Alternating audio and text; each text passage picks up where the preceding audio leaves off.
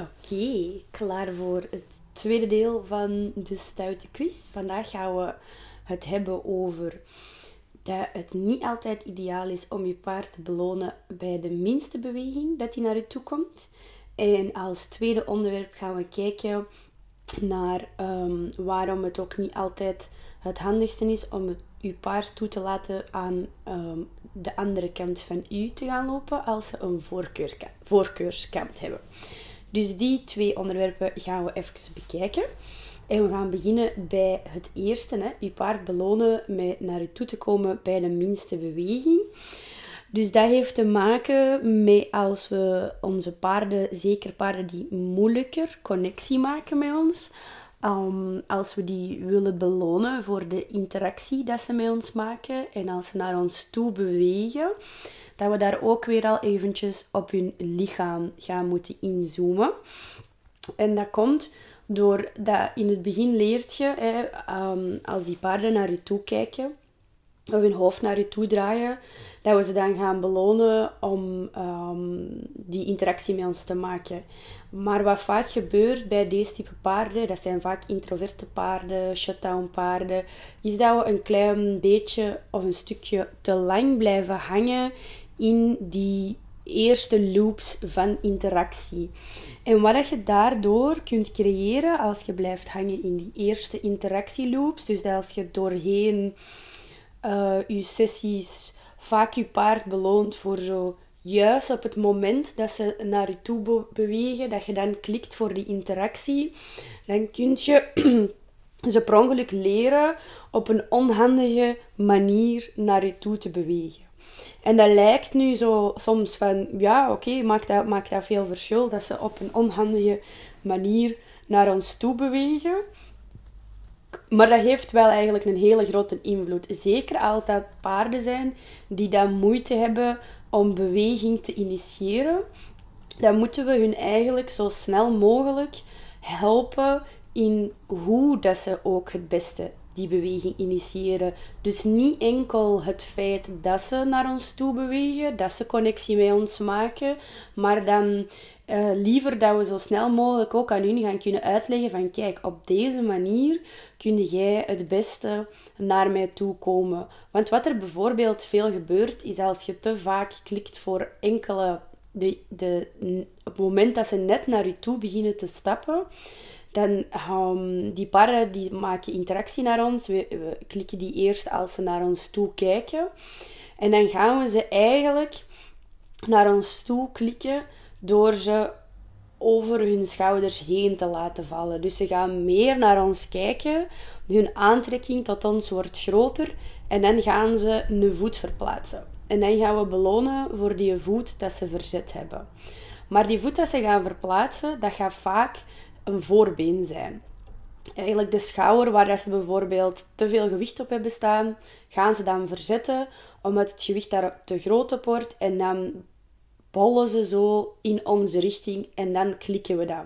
In het begin, in die eerste paar loops, als je echt connectie nog aan het creëren bent met je paard, dan kan dat ook absoluut geen kwaad, omdat ze dan het concept leren kennen van oké, als ik dichter naar mijn mens toe ga, dan uh, word ik beloond. Maar vanaf dat er iets meer interactie is, gaan we ze heel veel kunnen helpen door hun uit te leggen dat ze het beste beweging naar ons toe starten vanuit hun achterbenen en niet vanuit hun voorbenen. Omdat dat vallen over die schouders naar ons toe, dat creëert ook wel een fysieke drempel bij die paarden. Dus ze willen dan wel naar ons toe komen, maar de manier waarop dat ze het geleerd hebben, um, veroorzaakt, veroorzaakt licht fysiek ongemak. En daardoor hebben we soms, zie ik, um, paarden die daar heel lang in blijven hangen. En dat dat eigenlijk zo wat moeilijk blijft. En dat ze zich ook veel sneller afsluiten en ook gaan afkoppelen. Omdat ze er dan voor opteren om die beweging toch niet te maken in de plaats van naar ons toe te komen. En als je ze kunt helpen om uh, die beweging van achteruit aan hun achterbenen aan te leren, dan gaat het voor hun fysiek gewoon veel gemakkelijker zijn om te antwoorden op onze vraag. Um, de reden waarom ze ook op hun schouders gaan vallen, is vaak zeker als het shutdown paarden zijn, is dat die gaan in hun stilstaan, zetten ze zichzelf zo wat vast in, in een bevrozen, bevrozen modus en plakken ze aan de grond. Waardoor dat eigenlijk hun natuurlijke manier van beweging stappen, het zijn zij niet altijd de intentie om tot beweging te gaan komt niet altijd vanuit hun, maar vanuit onze vraag. Hè. Wij maken connectie met hun en wij vragen van oké, wilt je een klein beetje dichter naar mij toe komen? Waardoor dat, dat geen natuurlijke start aan beweging is en de manier waarop dat ze dan zijn blijven staan.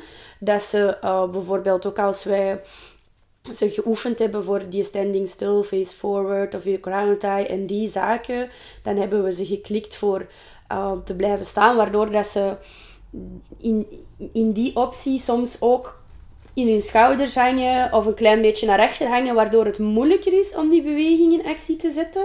En, maar het is niet altijd het geval, hè, want zeker als we spreken over die shutdown paarden die moeilijk interactie maken, dan gaan we ze in het begin die zo heel veel, hè, daar start je via een ander traject mee dan de uh, bewegelijke paarden, dat je dan eerst heel veel stilstaan in wilt shapen. Terwijl bij die paarden gaat je ze eigenlijk heel veel belonen voor alles dat ze interactie maken, dat ze willen bewegen, dat ze de kegel willen aanraken en die zaken.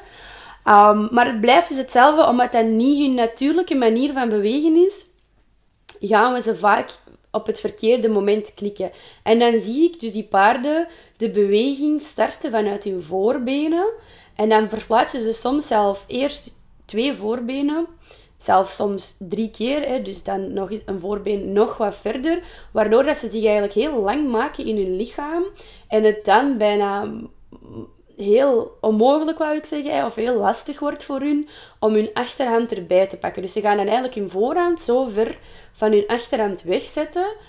Um, en dan komen ze in een spagaatachtige positie uit, waardoor dat ze hun achter, dat het oncomfortabel wordt. Dus dat ze eigenlijk hun rug naar beneden beginnen te duwen en hun, hun, hun, hun bekken staat schuin omhoog. Waardoor dat ze wel die stap van achter moeten zetten, want ze kunnen het niet meer houden. Maar die stap dat ze dan ook effectief zetten, die is ook niet comfortabel voor hun lichaam. Omdat ze dan, hun voorbenen zijn al zo ver weg.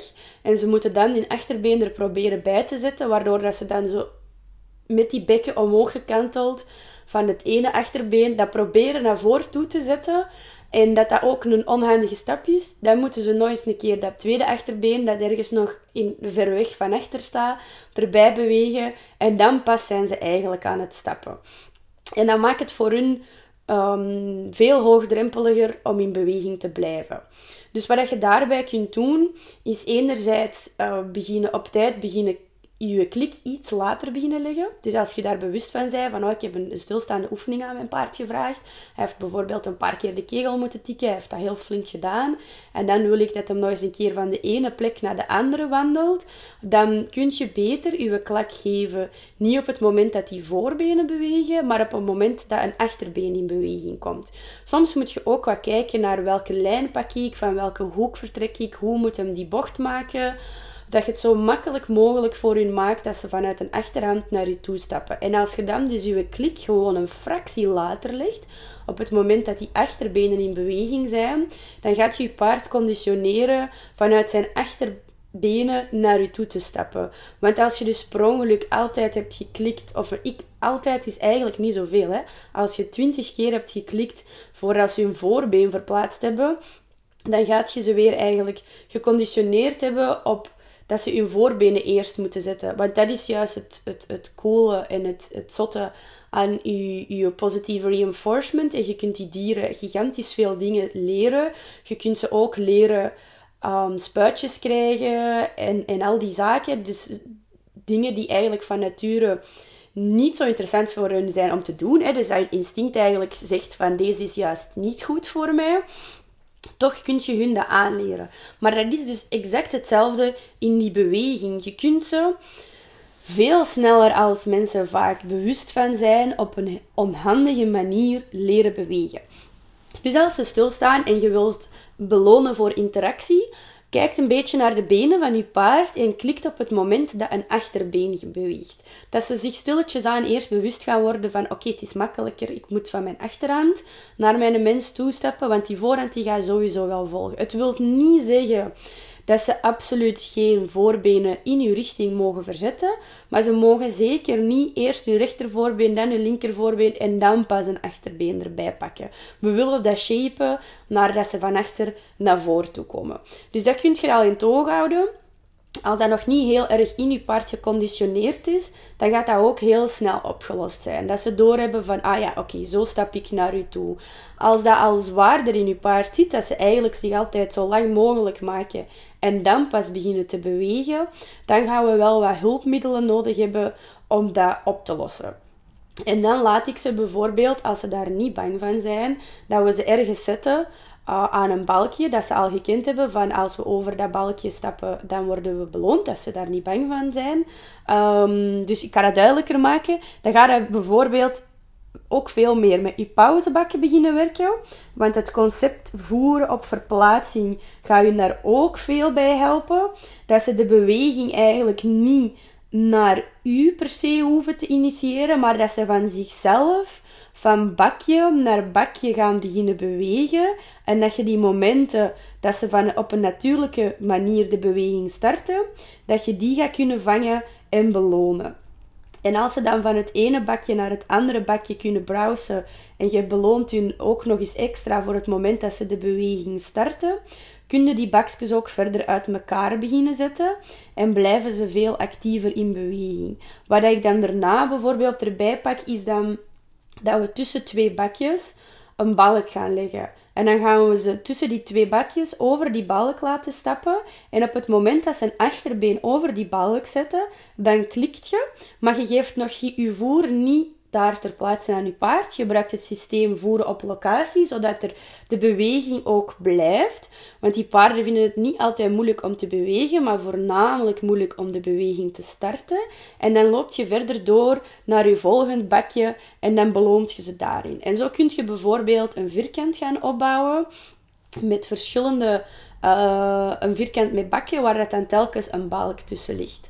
Als ze dan een x aantal keren geklikt zijn geweest op het moment dat ze hun achterbeen opheffen, dat ze dat doorhebben, dat ze ook geen stresssignaal vertonen van over die balk heen te lopen, dan kun je gaan proberen of het mogelijk is om je paard wat te vertragen bij die balk. Dus dat je eerst dan Um, zie dat je de criteria hebt dat ze al denken aan stilstaan in de buurt van die balk, dat ze dat niet spannend vinden. En dan kun je nog altijd je voeren op locatie gebruiken. En dan werk je dat zo eigenlijk verder, dan shape je dat verder naar dat je paard kan stilstaan met um, de balk tussen zijn voor- en zijn achterbenen. Dan beloont je ene keer voor stilstaan en dan wandelt je eigenlijk al verder door naar je volgende bak. En je klikt weer op het moment dat hem zijn achterbeen daarover zet. En zo gaat je met die balk kunnen creëren dat je paard meer van achter naar voor toe gaat stappen. Nu, die balken, dat is wel iets, dat is een goed hulpmiddel, maar je kunt het ook wel snel moeilijk maken voor je paard. Dus je moet wel heel goed in toog houden of dat die timing klopt, of dat ze daar geen stress van krijgen van over zo'n balk te, te lopen. Dus het is ook wel niet iets dat je lukraak gewoon achter elkaar moet doen. Soms is het misschien gemakkelijker als er een mat in het midden ligt. Dat je ze over die mat laat wandelen. En elke keer als er een achterbeen die mat raakt, dat je ze daarvoor beloont. Dat je zo stukjes mat legt. Ik, het is hetgeen waar ik voornamelijk hiermee naartoe wil gaan, is dat we ze um, een visuele target geven, dat ze weten waar ze hun achterbenen op moeten mikken. Dat ze zich heel bewust worden dat het over hun achterbenen gaat en dat ze heel sterk geconditioneerd worden voor beweging van hun achterbenen en dan later ook vanuit hun achterbenen. Dat je daar zo verder mee kunt gaan spelen en dan kun je ze makkelijker helpen om zo de beweging te starten.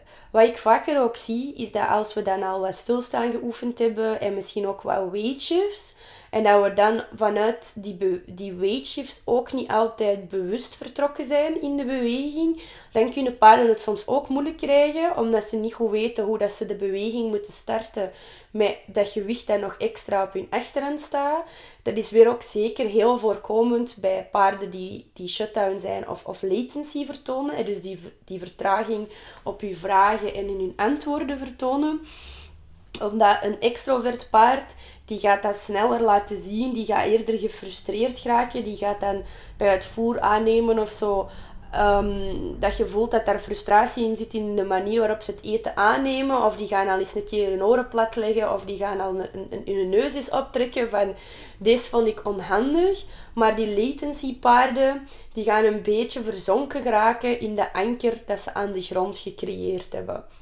Dus ook als je vanuit een achteruit terug naar stap wilt gaan, als je vanuit een weightship terug naar stad wilt gaan, dan moet je wat in toog houden van, heb ik mijn paard op de makkelijkste manier klaargezet om terug naar de beweging toe te gaan. En probeer dan ook je omgeving zoveel mogelijk op te zetten, dat zij in het begin en ook in de tussenstukken ervoor, want het, maakt, het is altijd gemakkelijker als je ook nog heel veel aanbod aanbiedt voor latency paarden die, um, die ze al heel goed kennen en waar dat ze echt op terug kunnen vervallen. Echt zo vertrouwde zaken. Dat je dan ook nog genoeg beloont dat ze echt van nature zelf uit de beweging initiëren dat gaat hun veel gemakkelijker afgaan. En dat je dan af en toe de criteria erbij pakt dat jij de vraag stelt om de beweging te initiëren. Ook als ze al begonnen zijn aan die beweging, dan kun jij hun helpen om op dat moment, als ze juist die beweging gedaan, gegeven hebben, om dan uw cue te geven. En dan te belonen. Want heel veel van die latency paarden, die hebben, ook al heb je het heel laagdrempelig willen introduceren, die hebben eigenlijk al latency gecreëerd op de cue voor te starten met beweging. Dus die cue voor te starten met beweging kan bijvoorbeeld zijn uw target dat je laat zien, um, jij die een beetje verder van hem wegstapt, of een voice cue dat gebruikt dat je zegt kom bijvoorbeeld. En die zaken die zijn eigenlijk al in hun hersenen doordat ze niet op de juiste manier gestart zijn. Um, die zijn al geconditioneerd aan lichte spanning. Omdat die kom eigenlijk een voorspeller is van dat ze op een onhandige manier de beweging gaan starten. Dus probeer dan ook je, al je signalen om beweging te starten om die even achterwege te laten en enkel nog te gebruiken als je paard al de juiste handeling aan het uitvoeren is. Zodat je daar een positieve conditionering terug op kunt zetten. Dat ze dan dat geluid horen, die beweging zien en dat dan je brugsignaal daarop volgt zodat ze daar verder mee kunnen. En dat je dan pas, vanaf dat je weet van oké, mijn paard initieert heel vaak de beweging, dat je af en toe zelf ook de vraag terug gaat stellen. En zo stilletjes aan je cues daar ook terug op shaped. En dan kun je soms op een korte tijd een veel interactiever en bewegelijker paard hebben. Um, dat zich minder afsluit omdat je rekening hebt gehouden met de fysieke manier waarop ze de beweging starten.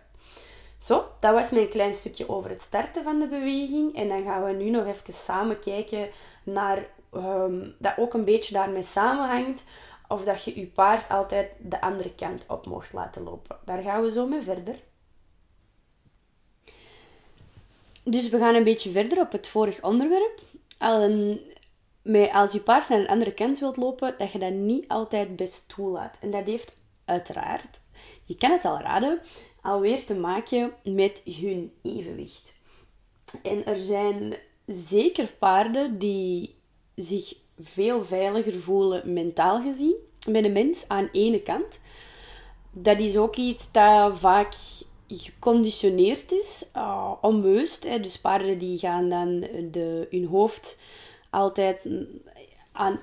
Ze, ze zeggen zo hè, dat ze ze liever in één oog hebben staan. En dat sommige paarden hebben nu dan liever aan hun linkeroog staan in de plaats van aan hun rechteroog staan. En eigenlijk op elke momenten dat je die pauze geeft en, van die zaken, dan draai je die u weer naar die kant onbewust en verplaatsen. Onbewust. Zij verplaatsen hun lichaam. De mensen hebben dat vaak ook niet door, waardoor dat je altijd aan dezelfde kant van je paard terechtkomt.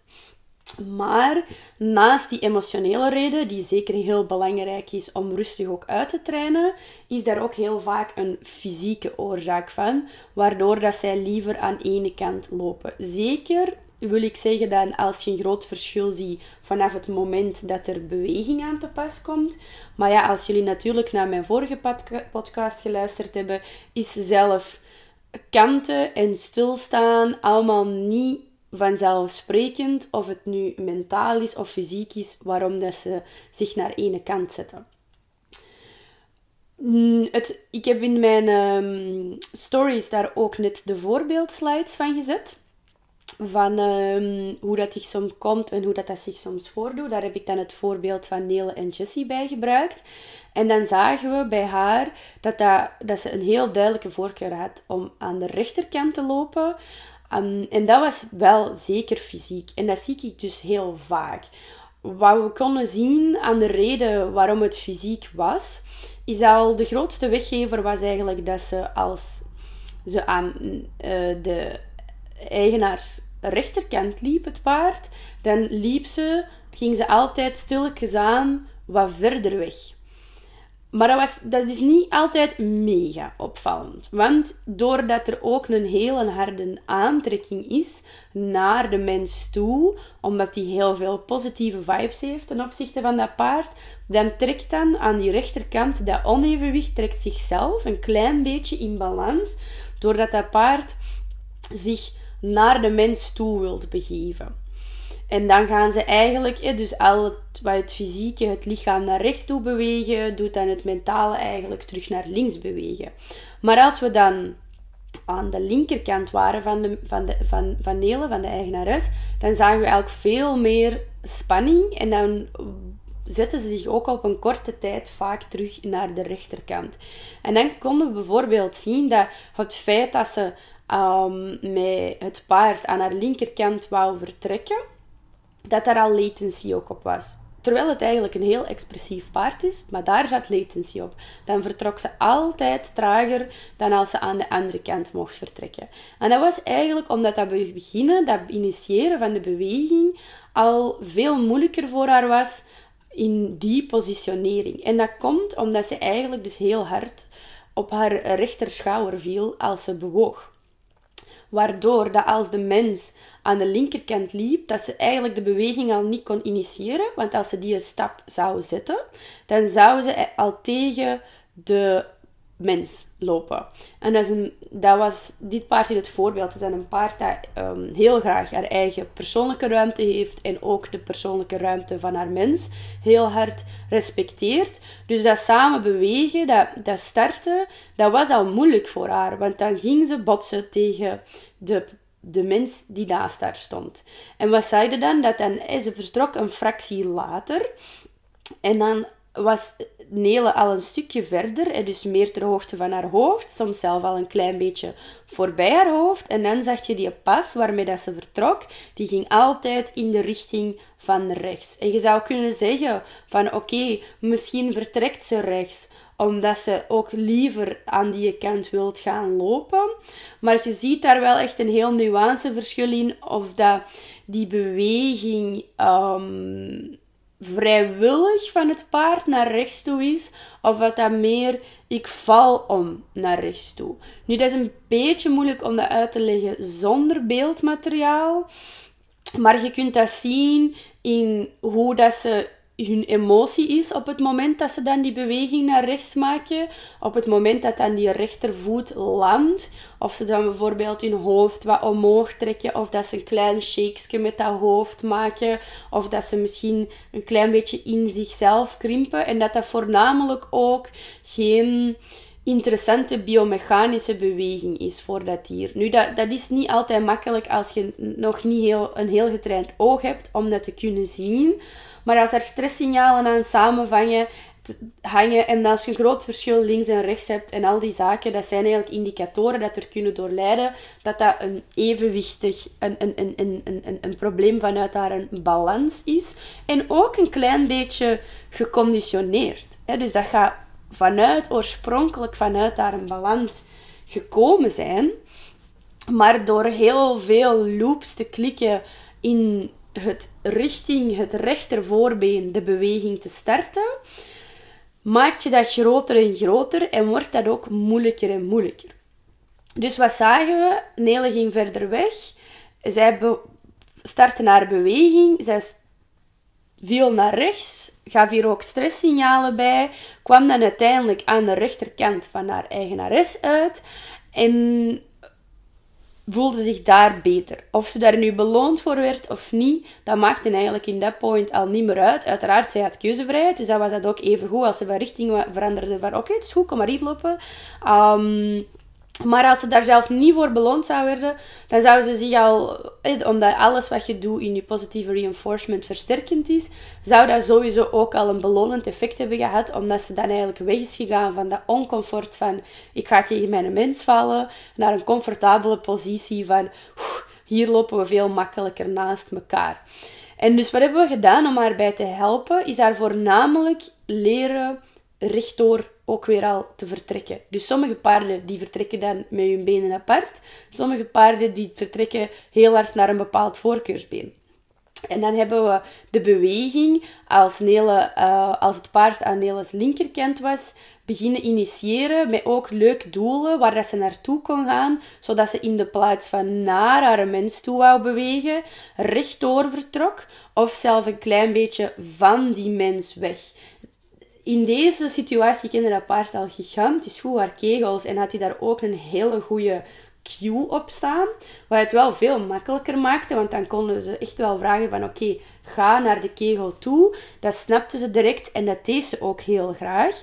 En op, als je die zaken gebruikt, dat mocht je zeker een paar keer belonen voor aan je kegels nog. Maar dan moet je in toog houden dat je niet te afhankelijk gaat worden van die kegels. En dat je op tijd ook de beweging zelf klikt. Dus het moment dat ze dan de beweging initieert naar haar linkerschouder in de plaats van haar rechterschouder van het paard. Hè, dat je dat ook beloont. Van, ah, kijk, voilà, dat is al goed genoeg. Gewoon naar je linkervoorbeen vertrekken. Um, en zo kun je dat stap, op stap, voor stap opbouwen, dat ze in de plaats van naar hun rechtervoorbeen naar hun linkervoorbeen uh, vertrekken.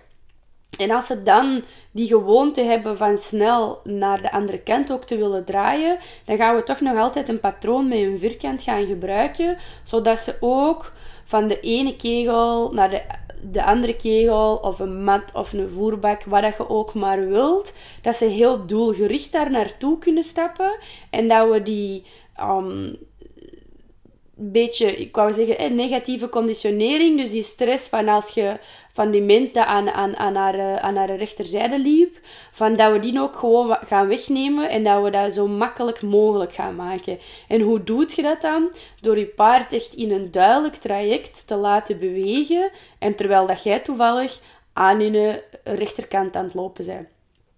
Dus dat ze dan op die manier, zij weet, oh, ik ga van kegel naar kegel naar kegel. En um, ondertussen loopt jij als baasje, of allee, baasje, als mamacita, loopt jij er dan langs en je spendeert eigenlijk best veel tijd samen. Terwijl dat, jij dat je paard aan je linkerschouder kan lopen zonder dat hij, hij of zij zijn evenwicht verliest. En zo bouwt je dat dan eigenlijk af, dat die hulpmiddelen, dat je daar minder en minder afhankelijk van wordt. Liefst heb ik toch ook wel dat je aan die kant een cue opbouwt, dat je het gewicht ook op vraag meer naar het linkervoorbeen kunt vragen. Nu, je kunt heel goed je cue opgebouwd hebben in stilstand. Als paarden best hard over hun schouders vallen, dan moet, is het ook interessanter dat jij als mens daar de juiste feeling in krijgt en eigenlijk al voor het paard gevallen is, al uw ondersteunende cue van denk aan uw linker voorbeen, en dus dat is eigenlijk de voorhand van uw weg verplaatsen, um, kunt geven. Die voorhand van uw weg verplaatsen, verplaatsen moeten ze ook heel goed kunnen met het idee dat ze gewicht naar hun achterhand verzetten. Want dus eigenlijk wat er ook heel vaak gebeurt, is dat mensen pas drie stappen later zien dat dat paard al het gewicht al terug op het rechtervoorbeen heeft gezet. En dan geven ze die cue nog wel van zet je gewicht terug naar links. Maar dat is voor die dieren op dat moment niet meer mogelijk om die beweging uit te voeren. De onbalans is te groot en ze hebben vaak nog niet genoeg de capaciteit om via hun achterhand naar hun linkervoorbeen te denken. En dan kunnen ze gewoonweg niet reageren op de vraag dat jij stelt. En dan moeten we op dat moment het ook even loslaten. Dan kun je ze beter naar hun andere kant laten gaan. Of ze stil laten zetten. Daarvoor belonen. En dan opnieuw beginnen. Zodat we kunnen voorkomen dat ze zo hard op die rechterschouder vallen. Want anders heb je veel meer trial and error. En gaan ze uiteindelijk ook een negatieve associatie beginnen creëren met je cue van zet gewicht op je um, linkervoorbeen of het voorbeen waar dat je te weinig gewicht op hebt staan. Zet daar gewicht naartoe. Als je dat te laat gevraagd hebt, dan gaat dat stress creëren bij die paarden. Dus daarmee dat we dat ook vaak zit er een heel stuk in de training van oké, we gaan die mens leren op tijd, het baasje of de mamacita, leren op tijd te zien van wanneer gaat mijn paard over zijn schouder vallen. En hoe beter dat je die allerkleinste nuances kunt oppikken, hoe beter dat we kunnen ze ondersteunen en zien dat dat het niet vallen en terug rechtzetten, vallen en terug is, maar eigenlijk het recht houden van. Maar het is niet makkelijk, want je mocht ook geen continu zijwiel worden voor je paard, want dan gaan ze te veel gewicht naar die linkerschouder shapen en dan gaat het allemaal in de andere richting gebeuren. Of ze gaan echt heel afhankelijk worden van jij die daarnaast loopt. Dus er zit, er zit nog wel een nuance in. En we moeten, daarom, alles gaat ook altijd heel snel als we positieve reinforcement gebruiken. Je kunt heel snel je paard overshapen op een bepaalde houding of op een bepaalde oefening. Um, en ah ja, dat, ik was aan het denken, er was nog een laatste dat ik er zeker ook bij wou pakken, is, we zijn nu ook heel een tijd schouders aan het verplaatsen. Nu, schouders verplaatsen, dat blijft eigenlijk heel vaak symptoombestrijding. Maar oké, symptoombestrijding is niet slecht als we het daarbij onze dieren al veel gemakkelijker maken om recht in hun lichaam te bewegen. Maar als je schouders gaat verplaatsen, dan ga je wel schouders moeten blijven verplaatsen, omdat er vaak van echter een reden is waarom dat ze op die andere schouder aan het vallen zijn. En zolang dat we niet naar die achterkant kunnen zeggen van jij loopt eigenlijk een klein beetje te veel naast het lichaam of te veel onder het lichaam of je pakt een te kleine paas of je bent daar te hard op aan het stuwen. Geloof me, er zijn heel veel redenen, maar je kunt ze allemaal leren herkennen. Um, dan ga je wel je paard moeten blijven ondersteunen in oké, nu meer gewicht naar je buitenschouder zetten. Nu, dat ondersteunende gedeelte, dat is ook helemaal niet erg. Je kunt daardoor al veel meer duratie in het aantal passen van je paard shapen. Je kunt daardoor al veel betere bespiering bij je paard creëren, omdat ze dan bepaalde rugspieren meer gaan moeten stretchen. De andere kant gaan ze wat korter moeten maken. Al die zaken, waardoor dat ze fysiek ook de handeling veel beter gaan moeten kunnen uitvoeren. En vanuit die duratie en de juiste bespiering dat je gecreëerd hebt, gaat je de ruimte maken om dan ook signalen naar de achterbenen van je paard te kunnen geven. Dan gaat je in de plaats van die schouder op te vangen, gaat je tegen de achterbeen kunnen zeggen van oké, maar jij moet eigenlijk een klein beetje meer op die manier gaan bewegen. Dikwijls kunnen we niet bij die achterbenen starten, omdat dat te moeilijk is voor zowel de paard, het paard als de mens. Dus als je eigenlijk ook al aan je tiende paard zit dat je gaat starten, dan kun je soms wel echt gewoon rechtstreeks van achter beginnen en daar de juiste cues op zetten en die, die in evenwicht direct laten bewegen. Maar als je dat zelf allemaal nog wat moet leren zien en herkennen, is het soms wel gemakkelijker om met schouders te beginnen. Ook omdat we gewoon veel meer ter hoogte van die schouders bewegen met onze paarden we kunnen ze moeilijker ook leren meebewegen vanuit als wij naast de achterhand lopen, omdat dat abstracter is voor hun. Maar dan, dat je niet vergeet dat je op dat moment aan ondersteuning aan het doen bent. En dat we nog niet rechtstreeks naar de oorzaak van het probleem aan het gaan zijn. Maar ondersteuning is echt perfect. We moeten gewoon op een bepaald moment gaan we dan zeggen van oké, nu hebben we eigenlijk wel een tiental mooie passen vooruit of zelf in onze bocht waarbij ons paard in balans loopt. Nu gaan we eens een keer zien of dat we de positie van de mens meer richting de achterhand van het paard kunnen shapen of dat we bepaalde targets kunnen gaan gebruiken om die, die achterbenen in een, in, in een richting te sturen en zo verder. Dus dat wordt dan een zoektocht afhankelijk van wat dat de oorzaak is van oké, hoe gaan we nu naar die bron toe gaan? En als je dat stukje erbij gepakt hebt, dan gaat je paard eigenlijk van zichzelf in de juiste balans beginnen met de beweging en die beweging ook aanhouden. Oké, dat was mijn stukje over deze twee. Laat zeker horen als er nog vragen zijn. Hè? Want ik vind vragen altijd de max om zo nog wat meer duiding voor iedereen te kunnen geven. Dankjewel en tot snel!